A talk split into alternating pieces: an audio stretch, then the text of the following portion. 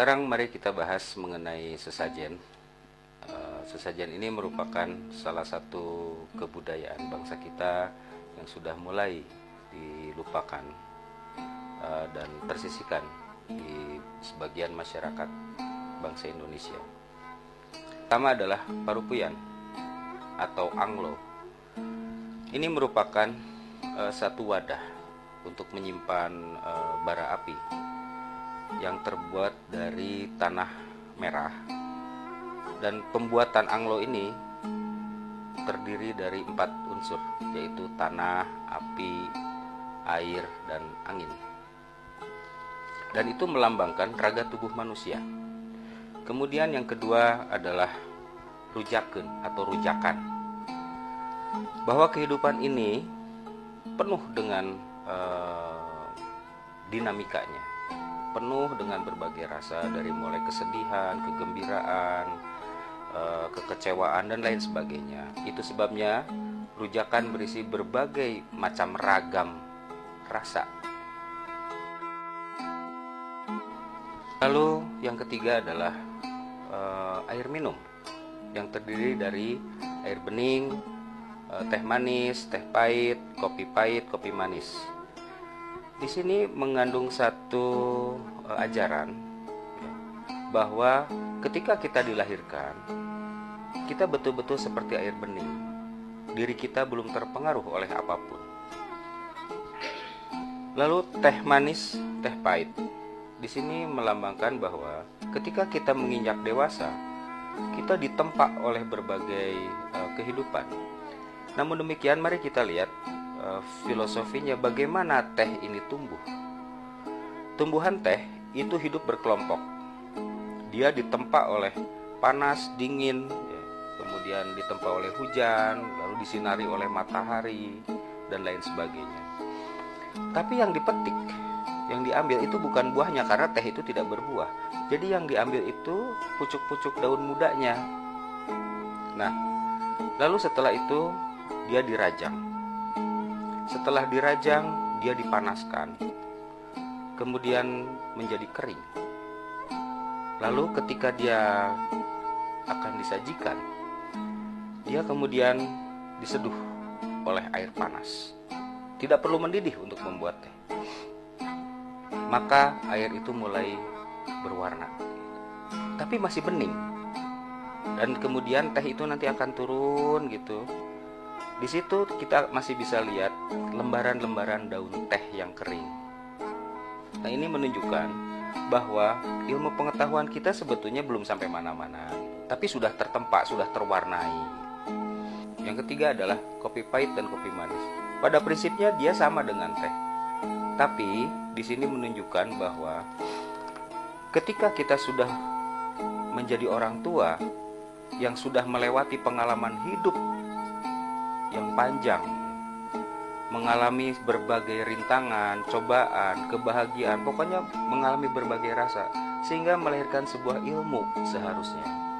Itu sebabnya orang yang sudah dewasa sudah sewajarnya kalau dia menjadi seseorang yang sangat bijaksana karena pengetahuan hidupnya eh, ketika dia mengalami berbagai cobaan, tantangan, rintangan, dan kemudian menjadi kaweruh atau ilmu pengetahuan bagi dirinya. Lalu, mari kita lihat bagaimana filosofi dari kopi itu. Kopi itu hidup di uh, satu wilayah yang dia harus bercampur baur dengan keluarga tumbuhan yang lainnya. Kemudian, kopi adalah tanaman yang berbuah. Jadi artinya yang diambil sudah bukan daun seperti halnya teh, tapi yang diambil itu buahnya buah yang sudah ditempa pohon kok ah, maaf pohon kopi yang sudah ditempa sedemikian rupa oleh panas dingin hujan angin dan lain sebagainya hingga dia melahirkan buah kopi yang masak lalu dipetik. Yang sudah buah kopi yang sudah merah ini dipetik kemudian dikupas. Setelah dikupas dikeringkan dijemur. Setelah dijemur kemudian dipanaskan dengan suhu yang uh, tertentu sehingga dia menjadi hangus. Setelah itu ditempa sedemikian rupa dihancurkan, ditumbuk hingga menjadi uh, apa namanya serbuk yang sudah tidak terlihat lagi bentuk buah kopinya. Nah, Setelah itu, ketika dia akan disajikan, dia masih harus diseduh dengan air yang sangat mendidih. Jadi berbeda dengan teh. Kalau teh diseduh dengan air panas, itu sudah cukup. Tapi kopi tidak. Kopi harus diseduh oleh air yang mendidih. Lalu dikocek. Setelah dikocek, maka terjadi kekeruhan. Tapi lama-kelamaan secara tenang dan perlahan, dia akan turun. Serbuk kopi itu akan turun dan mengendap.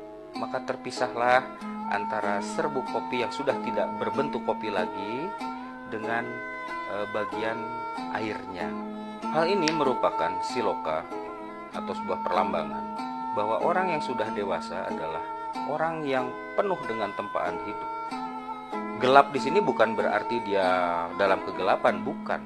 Tapi di situ artinya dia karena dia mengalami sebuah proses kehidupan yang sangat uh, beragam.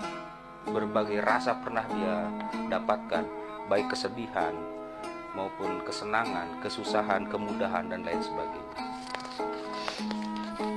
Namun demikian, makna dari ketiga jenis air ini pun dapat dibaca terbalik sebetulnya. Artinya, ketika orang sudah mengalami proses seperti tadi ya, eh, tahapan dari bening menjadi teh lalu menjadi kopi, lalu dia harus bisa kalau dibaca dibalik, dia akan menjadi sebuah proses yang uh, menuju puncak kebeningan lagi.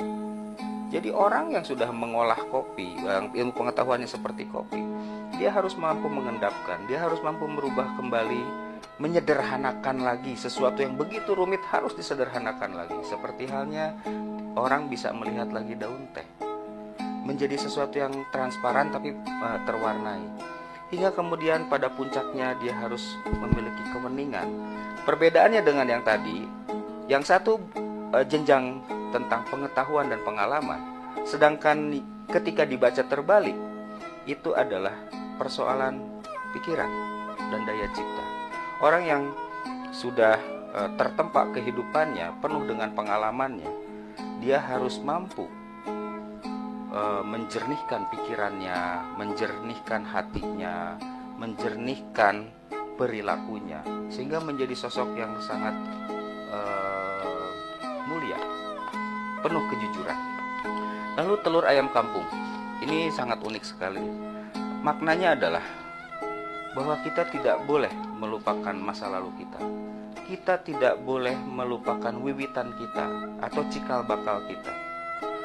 Kita berasal dari ibu bapak kita. Ibu bapak kita berasal dari kakek nenek kita, dari buyut kita dan terus ke atas. Inilah cerita tentang telur itu telur ayam kampung itu sebetulnya menitahkan atau mengajarkan kita agar tidak pernah lupa terhadap kampung halaman tempat kita dilahirkan. Kita tidak boleh lupa terhadap leluhur kita. Nah, dalam peristilahan sering kali uh, telur ayam kampung ini disebut sebagai cukup manik astagina. Nah, tapi di sisi lain, melalui telur ayam ini justru kita diingatkan tentang proses kejadian kehidupan bahkan proses kejadian bumi. Di situ disebutkan di dalam cerita e, pewayangan bahkan masih disebutkan ajaran ini bagaimana Sang Hyang Tunggal melahirkan tiga anak yaitu Sang Hyang Tejamaya, Sang Hyang Ismaya, dan Sang Hyang Manikmaya. Sang Hyang Tejamaya itu menjadi kulit telur, kemudian Sang Hyang Ismaya menjadi putih telur, lalu Sang Hyang Manikmaya menjadi kuning telur. Nah, kalau dilihat, filosofi dari nilai-nilai ini sebetulnya menunjukkan bahwa Sang Hyang Tejamaya adalah segala sesuatu yang tersinari oleh matahari. Kemudian eh, Sang Hyang Ismaya itu artinya adalah lapisan bumi ini, di mana manusia dan segala makhluk lainnya tumbuh eh, hidup di situ. Lalu Sang Hyang Manikmaya adalah inti bumi atau yang disebut magma. Kemudian yang kelima adalah beras. Maknanya ialah bahwa kita harus menjadi manusia yang bisa membagikan eh, kemakmuran. Kita harus bisa membagikan kesejahteraan kepada lingkungan sekitar kita.